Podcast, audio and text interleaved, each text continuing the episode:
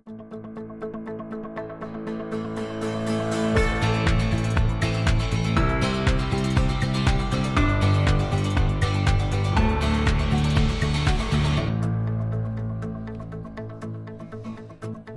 hei, har vi det fint?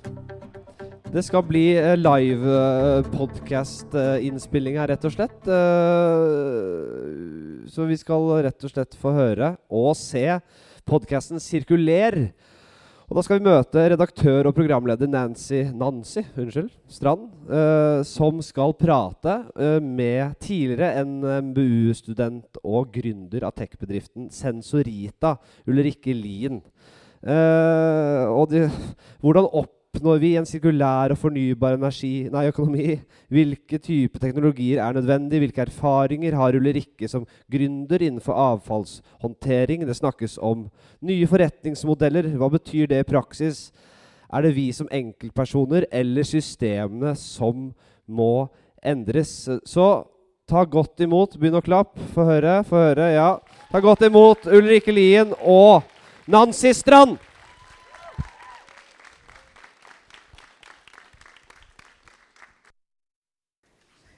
Hei. Hallo. Flott. Takk. God start. Du, Kjempehyggelig å være her. Og da må jeg bare si at uh, det her er første gang uh, Så det her er litt sånn urpremiere. Det er første gang vi spiller inn uh, podkasten 'Sirkuler' i live. Uh, så det er kjempegøy. Og veldig gøy å gjøre det her på Energiseminaret. Som jo arrangeres for ellevte gang. Så uh, veldig veldig gøy å være her. Og um, velkommen til deg, Ulrikke. Takk, takk. Så, um, som uh, Vi fikk en veldig fin introduksjon her. Vi skal snakke om uh, så mange sider vi klarer i løpet av den tiden vi har til rådighet. Hva innebærer det å jobbe med en, en sirkulær økonomi? Så, um, men uh, Ulrikke, du, er, du, har gått her på NMBU. Men nå um, er du gründer og har startet ditt eget selskap. Så hvordan startet dette her? Um ja, det startet her på Nømbu, i en av de stygge garasjene oppe på realfagsbygget. Uh, en, uh, en, sen kveld i kollektivet så tenkte vi sånn Kanskje vi skulle startet en bedrift. Uh, mest fordi vi hadde noia for å bli voksne og tenke sånn Å nei, nå, nå må vi bli konsulenter. og så sa jeg til han ene i kollektivet Ja, har du en idé, da? eh, som vi kan satse på. Og så sa han ja, det har jeg faktisk. Fordi han hadde jobbet eh, i Aske kommune og analysert vektdata fra husholdningsavfall. Og så at eh, avfallsbransjen de mangler data.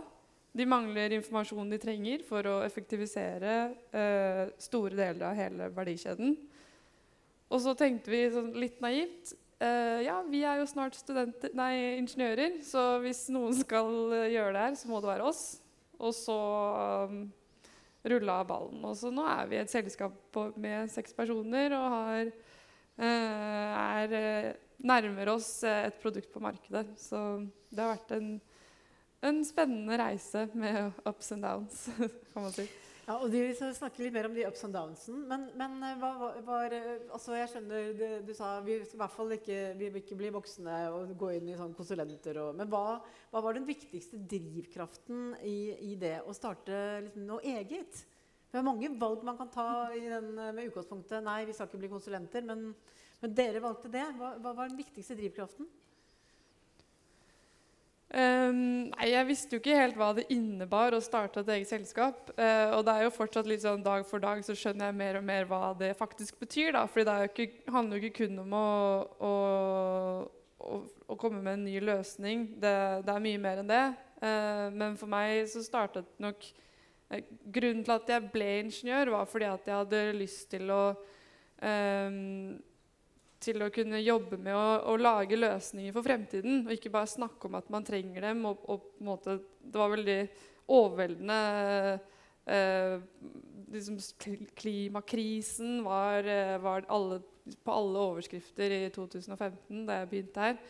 Eh, så det var kanskje en mer sånn praktisk tilnærming til eh, Litt hands on, da, eh, som var kanskje største drivkraften. Men jeg vet at eh, Nancy har også vært gründer eh, tidligere i sin karriere. Og, og, Nancy har vært veldig beskjeden i sin introduksjon, for hun er en kjempenøkkelperson i hele avfallsbransjen. Har vært daglig leder i Avfall Norge og eh, drevet med forskning. Men kan ikke du fortelle litt om din gründerreise også? Ja, men du, altså eh, Jeg kjenner meg veldig igjen i den gründerskapet, da. Fordi eh, jeg var jo når jeg var nyutdannet, så var det Det var en god del år siden. Det var den såkalte jappetida. Så jeg hadde studert uh, miljø- og ressursforvaltning og skulle ut uh, og redde verden. Uh, men det var jo ingen jobber for alle, så jeg tenkte gubba nå, jeg har gjort noe helt gærent. Jeg skulle jo liksom, jeg skulle studert økonomi. eller... Så, så, jeg sto litt sånn Hva gjør jeg egentlig? Så da gikk jeg til Naturvernforbundet og sa kan jeg bare få lov til å jobbe hos dere. Være, så jeg startet med å oppdatere medlemsregisteret. Så jeg kom liksom ferdig utdanna og begynte å, oppdatere medlemsregisteret i Naturvernforbundet. Men det ble, en, eh, en måte, det ble, starten på en fantastisk uh, reise for min del. Da. Fordi jeg lærte på med to-tre år, da, som det ble til slutt i Naturvernforbundet, så uh, lærte jeg så utrolig mye. Og så ble jeg kjent med noen, kjent med noen som, hadde, som, selv hadde startet et selskap. Og så sa ja, men du, miljø. Og da i mellomtiden så var jappetida over, og så eh, kom liksom, det var den første miljøbølgen. Uh, og, og, det var bare sånn Ja, men du, dere som kan så mye, dere må bruke den kunnskapen for næringslivet. For det er jo næringslivet som, er, som sitter med nøkkelen til å løse miljøkrisa. Um, så da startet vi et miljørådgivningsselskap som vi kalte Miljøkompetanse. Um, og jeg er veldig gøy at Norsk Standard er her, fordi vi hadde jo ingen standarder. Så vi hadde egentlig bare med oss den kunnskapen som miljøvernere. Uh, og si ok, hvordan skal vi overføre det vi kunne som idealister, over til næringslivet? Så det, det var faktisk utrolig gøy å, å, prøve å være med å definere Nå har vi taksonomi, og vi har uh, definisjoner på bærekraft, og, og vi til og med regler om grønnvasking. Men vi hadde ingenting, så vi måtte bare finne på det selv. Så jeg kjenner meg veldig igjen i den derre Det er bare så utrolig gøy. Og det er jo og veldig mye ups and downs. Uh, for det er dager hvor du ikke veit om du har lønn om to uker. ikke sant? Ja. Så, men Ulrikke, det er du som er hovedpersonen i dag. Så la oss få høre litt om Sensorita, det selskapet som, som dere startet. Hva er grunnideen i selskapet? Um, selve grunnideen er vel at hvis du vet uh, mer om hva som skjer uh, med avfallet før det kommer inn på avfallsmottaket, så kan du gjøre en del optimaliseringer. Og vi begynte med husholdningsavfall fordi det var det vi kjente til som, som privatpersoner, og som co-founderen min Emil hadde jobbet med i Asker. Så vi tenkte at eh, hvis man vet hvor fulle beholderne er, så kan man slutte å, å, tømme de når de er tomme, og tømme de når de er fulle. Eh, så vi begynte å lage en, en uh, volumsensor for husholdningsavfall. Og så etter hvert så skjønte vi at uh, nei, det er egentlig uh, byggeavfall og næringsavfall som er uh, der det, det skjer. der de store volumene produseres, særlig av byggebransjen. Og det er også en type avfall som er, er ganske høy kvalitet da, på det. Så det er større sjanse for å kunne bruke det videre i verdikjeden hvis man eh, vet nok om det. Mm, ja. um, sånn at det er liksom det vi gjør, er å måle hvor er avfallet, hvor mye er det av det. Og så har vi lyst til å, å se mer på fremover uh, Men vent litt, om kvaliteten. Før du løper helt, helt, av gårde her. Fordi uh, også bare uh, beskriv dette. Dette er en sensor som da blir plassert ut på en, uh, for på en byggeplass. Eh, som da måler eh, fyllingsgrad på mm. ulike typer konteinere. Og ja. hva skjer med de dataene fra den, eh, fra den sensoren? Um, nei, de blir sendt til den mystiske skyen. og der kjører vi ulike maskinlæringsalgoritmer. Uh, og behandler dataen og prosesserer den og, og, og, gir den til avfallsselskapene, så de kan uh, ja, tømme mer effektiv og, og effektivisere særlig transportleddet i første omgang. Mm. Um, Men du, løs denne løsningen her vant jo faktisk AFA Norges uh, innovasjonspris uh, i fjor. Mm. Um, så dere sto på scenen i, på AFA Norges årskonferanse. Og hvordan føltes det? Nei, Det var eh, vanvittig stas. Vi er jo, altså, avfallsbransjen er jo kjent for å være ganske konservativ. Så det å bli tatt så varmt imot av bransjen var utrolig gøy. Og eh, ja, føler jo egentlig generelt at vi har blitt tatt At, at det er nysgjerrighet, da. Eh, og at man setter pris på eh, sånn frisk pust eh, og, og, noen som ser bransjen litt fra en annen vinkel. Um, så det var veldig gøy å sette stor pris på den anerkjennelsen. Mm. Men du, la oss, la oss, snakke litt om Temaet er eh, sirkulærøkonomi. Hvordan, hvordan når vi den sirkulære framtida? Og, og, du som nå sitter uh, med den kunnskapen gjennom det dere har gjort i Sensorita, men også med din bakgrunn. Så liksom, når du tenker sirkulærøkonomi, hvilke assosiasjoner får du? Um, første gang jeg ble liksom ordentlig bevisst på avfallsproblematikk, da. For det er jo litt det sirkulærøkonomi egentlig handler om. Det er ikke så mye ren klimagassutslipp, selv om det er en del av bildet, det også. Um, men uh, første gang jeg ble ordentlig bevisst på det, det var uh, Jeg studerte i India, bodde der i to år. Og da jeg landet i India, så kjøpte jeg en is, satt i bilen, spiste isen på vei til skolen. Og så var jeg sånn Hvor skal jeg gjøre av papiret til isen? Og så sa sjåføren nei, bare kast ut av vinduet. Og jeg fikk helt sjokk. Eh, og, og, på en måte, ja, Som var litt fremmed for oss. Um, og det var da jeg begynte å legge merke til avfall og avfallsproduksjon. da. Og mens jeg var student her på Ås også, så var det noe jeg var veldig opptatt av. Uh, var involvert i BUA og Ås kooperativ. Og, og, på en måte hvordan kan vi minimere av, vår egen avfallsproduksjon? Uh, for det er jo uh, litt der det starter. Minimere avfall. Og så hvordan skal man passe på at materialene ikke blir til avfall. Så jeg har jo hatt en kanskje liksom personlig tilnærming til det, og, og nå jobber jo med det i jobben min, men fra en litt annen vinkel, da, gjennom industri og, og, og, andre bransjer. Mm, mm. Altså, for, for, min del, som har vært med og jobbet med avfall ganske lenge, så, så, i dag så tenker vi jo at sirkulærøkonomi skal egentlig ikke handle om avfall. For det er som du sier, det handler om at du skal, du skal slutte å produsere avfall. Og så enkelt er det selvfølgelig ikke. Men altså, eh, den omstillingen som, som, vi snakker om, er jo at vi må gå fra å tenke avfallshåndtering til å tenke produksjon av resirkulerte råvarer. Um, og det er på en måte nøkkelen i sirkulærøkonomien, uh, sånn som jeg tenker på det. Men det startet måte med avfall, altså hele avfallsbransjen var jo for å løse et problem. Uh, så det har vi litt lett for å glemme, for det er jo der fortsatt. Altså hvis, man ser det jo veldig fort hvis man ikke henter avfall, f.eks., så det tåler så blir det, er vi tilbake igjen til problemet som avfall kan utgjøre. da. Uh, og så begynte vi å snakke om ressurser. Avfall er ressurser. og liksom, Det var mantra i veldig mange år. Mens nå er det mer det er verdier, verdiskapningen, um, som er på en måte, altså sirkulær økonomi. Det er liksom økonomien i det. ikke sant? Og den den, uh, samtidig som når du fortalte om, om, dine erfaringer fra India, så tenkte jeg men for store deler av verden så er det jo det som er situasjonen fortsatt. Uh, det er på en måte det er, uh, altså, I hvert fall en tredjedel av verden har ikke tilgang på basic avfallshåndtering.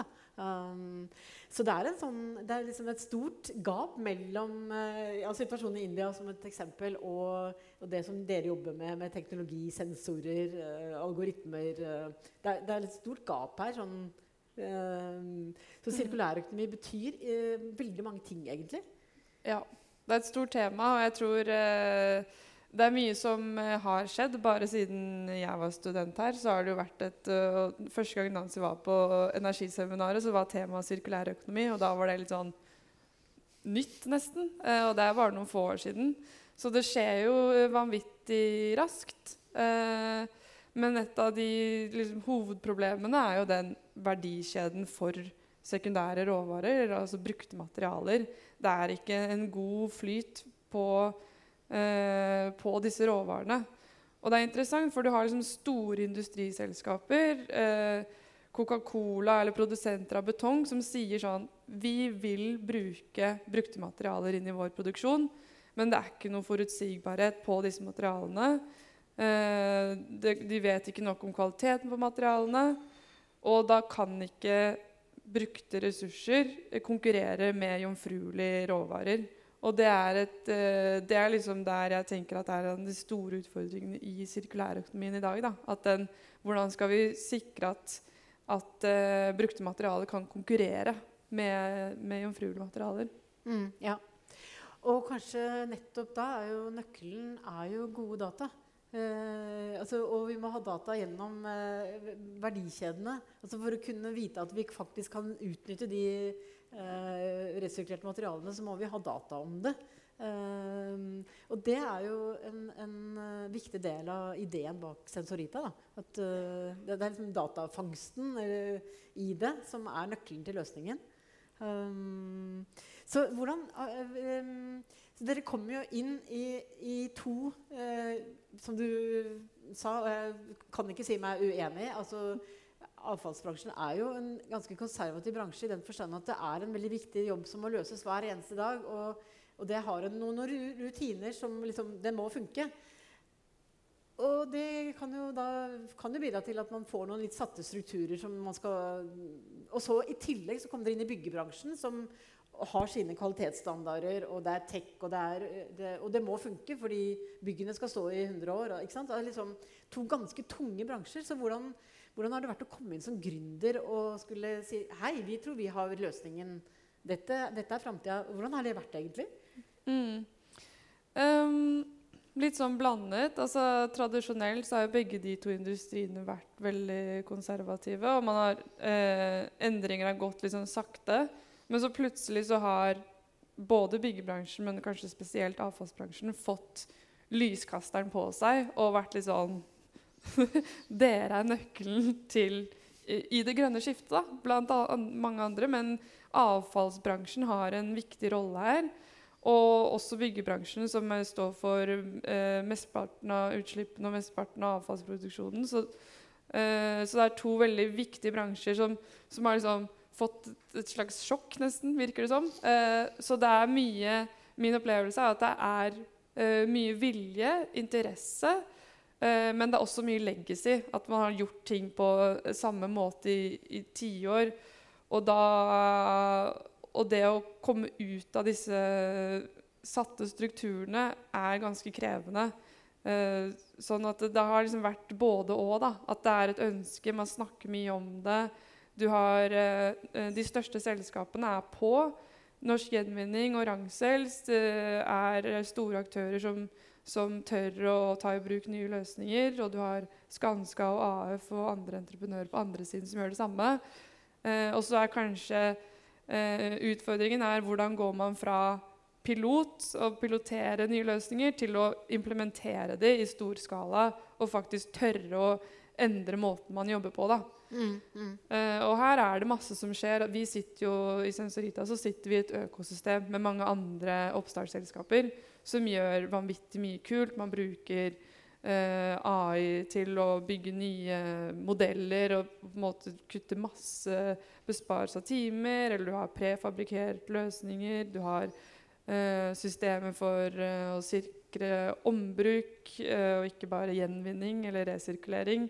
Altså, det er masse som skjer. Um, og så etterlyser jeg litt den derre uh, fullskala implementeringsviljen, Uh, da. Ja, ja, til å gå fra altså det er, Og det er vel, er vel eh, sagt litt om liksom, norsk eh, innovasjonskultur. Da, at vi er veldig gode på, på, pilotfasen, men kanskje ikke så gode på den markeds... Liksom, det virkelig endre helt fullstendig. Da.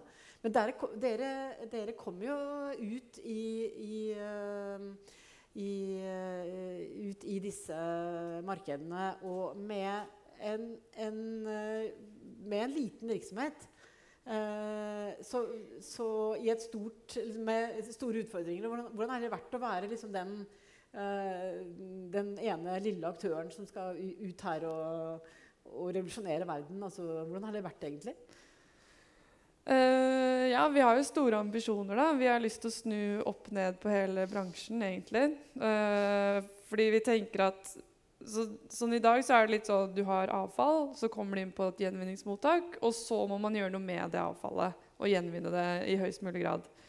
Og så tenker vi litt sånn Ok, men du har kunder som vil ha en spesifikk type resirkulert produkt. F.eks. treflis av høy kvalitet. Eh, da trenger man en spesifikk type avfall inn i den produksjonen. Så hvis man heller kan snu opp ned på det at hvis du trenger det, så trenger du et spesielt avfall, og da kan du hente inn det avfallet til den spesifikke produksjonen. Og heller begynne å tenke på uh, avfallskonteinere som et ressurslager. For det er jo det det egentlig er. Det er masse materialer som ligger spredd rundt omkring i et desentralisert lager. Uh, og det er jo en litt uh, opp ned en måte å tenke på hele verdikjeden for brukte materialer. Uh, sånn at det er, det er jo, Vi er jo en liten aktør, men, men vi merker også at sånn, dette, dette, gir mening for folk. Mm. det, og man skjønner også at uh, de store industriselskapene er ikke teknologiselskaper. De er eksperter på prosess, uh, logistikk og uh, erfaring som de har bygd opp gjennom 100 år. mens det er andre selskaper som skal være teknologileverandøren, og som kan bevege seg raskere, som kan de nyeste teknologiene. At man må spille på hverandres styrker. da. Og da er man helt avhengig av at industriselskapene også skjønner at man har sin rolle å spille. Og det opplever vi jo at de har da, i stor grad, og, og at de tar oss på alvor. Um, og at de synes det er helt greit at vi er eksperter på maskinlæring, og så er de eksperter på gjenvinning. Mm. At det er liksom en arbeidsfordeling vi kan være fornøyd med ja, alle sammen. Ja, nemlig. Men også, eh, første gang jeg hørte det uttrykket at eh, avfallsbransjen har kunder i to ender, Mm. Eh, så de har liksom, på en måte, de som da har noe avfall som de skal kvitte seg med, men de har også den kunden som du beskriver nå, nemlig de som trenger den bestemte kvaliteten. Og i det øyeblikket de slutter å se på avfall som noe de da skal håndtere, og så skal de gjøre mest mulig ut av det uh, Det er en litt sleivete måte. Unnskyld, uh, avfallsbransje. Men, uh, men der, det er et paradigmeskifte å begynne å tenke at ja, det er kunden vår, og deres krav til oss, deres kravspekk, er like viktig som at vi skal serve den kunden som har noe som de skal kvitte seg med. Mm. Og da begynner ting å skje. Og da er det jo kjempespennende at dere kommer inn med én viktig del av løsningen. da. Um, ja, jeg tror virkelig at det paradigmeskiftet er uh, den store nøkkelen til sirkulærøkonomi-verdikjeden. Uh, og det er jo der vi tenker at data, og data om avfallet, uh, hvis du også kan si noe om kvaliteten på det, og fange opp avvik eller forurensninger av et ellers ren avfallsfraksjon, da, så har man virkelig muligheten til å se dette eh, som den ressursen det er. Fordi du vet det du trenger å vite om den. Mm, mm. Men altså eh, forretnings, eh, Forretningsmodellene Uh, hva, hva, er liksom, hva, er forretnings... Uh, for Nå har du snakket om teknologien og ideene, men hva er liksom forretningsmodellen til Sensorita? Hva, hvordan tjener dere penger? Uh, vi ser jo på oss som en, en, først og fremst en dataleverandør. Som, og det er jo kanskje noe av det viktigste med å, å bygge et selskap. Da. det er jo ikke kun det å ha en kul idé og, og motivasjon. Du må jo også Uh, ja, passe på at man tjener penger, uh, ha en businessmodell. Uh, du må bygge team, du må få investorer.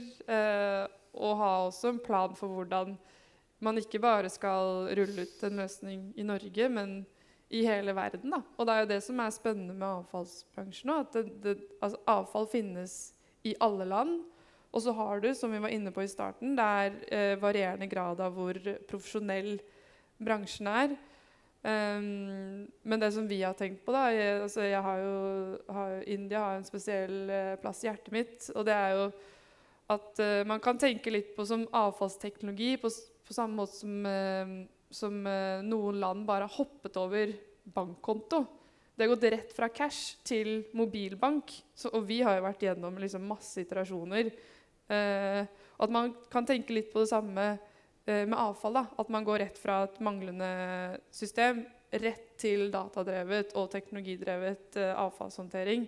Og jeg tror der er det kjempestort potensial eh, for en løsning som Sensorita da, i, i, i, de aller fleste land. Mm. Så det er veldig motiverende, men uh, også litt sånn skummelt.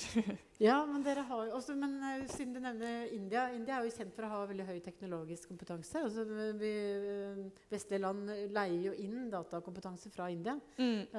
og landene rundt. Så det er jo veldig spennende Dere har litt hårete ambisjoner. Ja, man må, man må tørre å ha det. Og vi har jo også litt det på vegne av bransjene. At det, er ikke bare, bare vår egen businessmodell vi tenker mye på, men vi tenker også på eh, Altså jeg eh, ønsker å utfordre avfallsbransjen litt. At hvilken, hvilken, tjeneste er det de egentlig leverer? Eh, fordi i dag så leverer de en tømmetjeneste. Man kommer og tømmer avfallet på gitt intervall.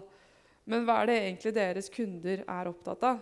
Det er jo ikke at det blir tømt hver mandag, det er jo at det er plass til å kaste avfallet og kvitte seg med det. Uh, og hvis bransjen gjør den omstillingen om egen, sitt eget verdiforslag, da, så er det vanvittig mye potensial i den interne effektiviseringen i et avfallsselskap. Hvis jeg kan hente avfallet ditt når det passer meg best, så lenge at jeg sørger for at du alltid har plass til å kaste avfallet, så kan jo jeg bruke det avfallet eh, når jeg trenger det. Og, og um, det henger jo sammen med denne verdikjedetankegangen. at eh, forret, Jeg tror det er på tide å tenke litt nytt rundt forretningsmodellene i, i avfallsbransjen. Og at det også vil være en, en del av, eh, av løsningen. Mm, mm. Men er det Altså jeg tenker jo at Det som virkelig utfordrer For det ene er den som du er inne på nå. altså liksom, eh, Avfallsbransjen lever på en måte av volum. Altså hvor mye, jo mer du koster, jo det det er, bra business. Og det har jo vært sagt i mange år liksom, at ja, men avfallsbransjen er jo ikke en pådriver for, for mindre avfall. For da, vi taper jo penger på det. Men vi må jo snu på det. altså Fra volum til kvalitet. Og, og, og finne den derre Altså, hva er merverdien for kunden? Mm. Um, det er ikke bare å kvitte seg med avfallet. Det er å gjøre ressurser av det. Kanskje også effektivisere. Altså, um, finne måter å bygge på. Uh, ha prefabrikerte løsninger som gjør at det blir mye mindre kapp osv. Altså, mm. hvilken rolle kan avfallsbransjen spille som en sånn uh, katalysator nærmest da, for uh, mer ressurseffektivitet og, og, mindre avfall, egentlig? Mindre, men bedre, er ikke det en, er det en bra sånn Eh, hvor, liksom, hvordan har dere, hva tenker dere um, Hvordan kan dere bidra til en sånn omstilling? Um, ja, det er jo det som er et sånn overveldende spørsmål, for det er jo så komplekst. Og det er, det er så mange, mange små problemer som sammen, liksom setter sammen til dette store avfalls- eller ressurssirkulærøkonomi-problemstillingen. Uh, sånn at jeg tror man må, man må, jobbe på mange fronter. Og i Sensorita så har vi valgt én del, og, og, vi vil bli eksperter på avfallsdata til å effektivisere. Eh, og så må noen andre Altså det designet for mindre avfall. Eh, design, ikke ha så mange komponenter, gjøre det enkelt å ta ting fra hverandre. Altså det er masse ting i denne verdikjeden. Eh, og alle, hvis alle løser litt, da, så er det uh, Så kan man sammen uh, få en, en liksom, totalløsning på det. Men um, ja, jeg syns jo det sånn liksom, Hva er løsningen, og hvordan skal man håndtere det? er Ekstremt overveldende. Jeg husker spesielt som student, så var jeg, så var jeg sånn vår generasjon ble liksom pekt ut som den generasjonen som skal løse alle disse problemene. Og det var eh, ekstremt uh, Uh, mye å be om, egentlig. og litt sånn Hvor skal man starte? Uh, og så har jeg funnet en trøst i at vi gjør en ting, og det bidrar. og så får noen andre gjøre andre ting. Ja. Mm. Det, er ikke, det, er ikke liksom, det, er ikke, en stor L her. Det er mange mm. L-er med mange forskjellige løsninger som skal komplementere hverandre. Så, men liksom, Hvilke råd vil du gi til dagens studenter? um, Jeg vet ikke om jeg Altså, jeg visst, hadde jo aldri sett for meg at jeg skulle starte et eget selskap. Og, og da jeg deltok på energiseminaret, så føltes det veldig fjernt. Og det er egentlig tilfeldig at, at, det ble sånn. Men, og kanskje spesielt som student så tenker man litt sånn Hva har jeg å komme med? Jeg har, uh, har liksom hatt noen fag i ditten og datten. Men det er ekstremt behov, stort behov for nye løsninger. Det er vanvittig mange lavthengende frukter som man kan starte å, å plukke i hele avfallsbransjen og, og andre industrier også. Man trenger ny kompetanse. Og ja, jeg vil oppfordre dere til å liksom tenke, uh, tenke utafor konsulentverden. Og um, det er masse ressurser man kan, man kan, bruke som studenter. Det er egne støtteordninger fra Innovasjon Norge. NMBU satser på studentinnovasjon. Man kan oppsøke miljøer som Eiklab eller andre mer profesjonelle startup-miljøer som Startup Lab. Um, kan bli ja. med i Redu. Redu, ja. Alfa Norges uh, program for studenter. Ja. Mm. Uh, ja, så ikke, ikke vær uh, ikke bli overveldet over alle problemene. Nei, men Finn en nisje, kanskje. Mm. Men du, for du nevnte Emil, som du startet uh, Sensorita sammen med. og Han hadde jo vært en del av Redu-programmet. Og Redu, uh, vet alle hva Redu er? Uh, nei, fordi det er tilbudet som AFA Norge har til studenter. så vi har mulighet for internship, og vi har også muligheten for å, å, å ta både bachelor- og masteroppgaver eh, med veiledere fra avfallsbransjen f.eks. Og det er veldig mange ulike problemstillinger. Og du har jo vært innom noen av dem nå. vi har snakket om noen av dem, Men det er behov for eh, studenter fra alle studieretninger. Eh, så hvis dere tenker at hm, kanskje dette hadde vært litt gøy å, å teste ut, så bare ta kontakt i, i, pausen. Og det kan jo du også blir her litt og så stille spørsmål. Um, så har vi muligheten for å gjøre det etterpå. Vi får ikke tatt det under selve innspillingen. Så, um, men uh, vi, vi, må kanskje gå inn for landing. Uh, vi kunne snakke om dette veldig lenge. Men, uh, men hva, hva, hva, hva, tenker du om framtida nå? nei, jeg er spent på framtiden selv. Ja. først og fremst for Sensorita sin del. Det er jo mange, mange faktorer for å drive selskap som jeg var inne på. så jeg er spent på hvordan det går med oss. Men jeg er jo positiv til til eh, bransjen. Altså NMBU har jo Det er faktisk nesten litt komisk. Hver gang jeg er på sånn bransjetreff, så er det eh, nesten alltid overvekt av NMBU-alumni der. Og det er veldig sjeldent. Eh, sånn at NMBU har jo virkelig tatt en sterk eh, posisjon, nærmest, i avfall eh, og avfallskompetanse. Og, og pøser på med nye hoder inn i bransjen som jeg synes er superkult. Uh, og det er en bransje med mye med De er som, en bransje som skjønner rollen sin da, og får til masse. Det har skjedd masse i avfallsbransjen de siste 10-20 årene uh, som kanskje ikke får like mye fokus. Men, men, det gir i hvert fall håp da, for at det også kommer til å skje masse i de neste 10 og 20 årene. Uh, det er ganske store endringer som skal til, men ja, jeg tror viljen er der, og pengene er der. EU spyr på med penger inn i bransjen for å få til den omstillingen. Så um, jeg er håpefull. Mm, ja, det er, det er, veldig bra. Jeg tror jeg kan understreke at, eh, at uh, veldig mange av de som jobber innenfor avfall, gjenvinning og sirkulærøkonomi i det hele tatt, er veldig åpen for ny kompetanse. fordi det er, det er liksom blitt så veldig tydelig at vi må kombinere mange i avfallsbransjen har jobbet der i veldig mange år. Eh, fordi at det er så gøy, det skjer så mye hele tiden. Det kommer nye ting. Men, så vi trenger å kombinere de, den lange erfaringen og fartstiden som mange har, med ny, eh, fersk eh, kompetanse, mer forskning. Eh, og det, eh, den man må ikke gjennom det der taket at uh, Hvem er det du, hva er det du kan egentlig? Det er bare sånn Kan dere bare komme til oss, for vi, bare, vi, vi må tenke nytt. Det er litt, eh, så det er, det er, en perfekt tid. Jeg bare sier det. Mm. Eh, det er en perfekt tid å, å, å finne, finne, veier inn. Og, og, det er veldig mange ulike vinklinger. Da. Og vi kan jo også nevne Unge i gjenvinningsbransjen, som er et nettverk som også er åpent. Som er, ble egentlig laget for at de som da har begynt å jobbe, får et nettverk og kan møtes på tvers Eh, på, altså uavhengig av hvor du har studert hen. Da. Men du jobber i bransjen, jobber på helt ulike steder, og så møtes man og diskuterer og utveksler kunnskap. og Um, Snakk med Marte, uh, som sitter, sitter, bak, er med UiG. Det er også åpent for studenter. Så uh, bli med. Det er uh, og bare kjempegøy og rett og slett veldig lærerikt. Så um, um, jeg tror rett og slett vi er nødt til å gå inn for landing. Jeg tror vi tikker oss inn der, men da blir vi her litt. Så hvis noen har lyst til å snakke med oss, så men bruk muligheten. Snakk med Marte. Vi har også med oss Håkon Bratteland. Eh, som er eh, eh, produsenten i, i podkasten vår. Så da må vi kanskje bare takke for oss. Mm. Takk, takk. Og så må vi, vi må jo tak, takk, til, eh, takk til Energiseminaret som inviterte oss. Eh, det satte kjempestor pris på. Så veldig veldig hyggelig å være her. Nancy Strand og Ulrikke Lien. Tusen takk. Tusen hjertelig.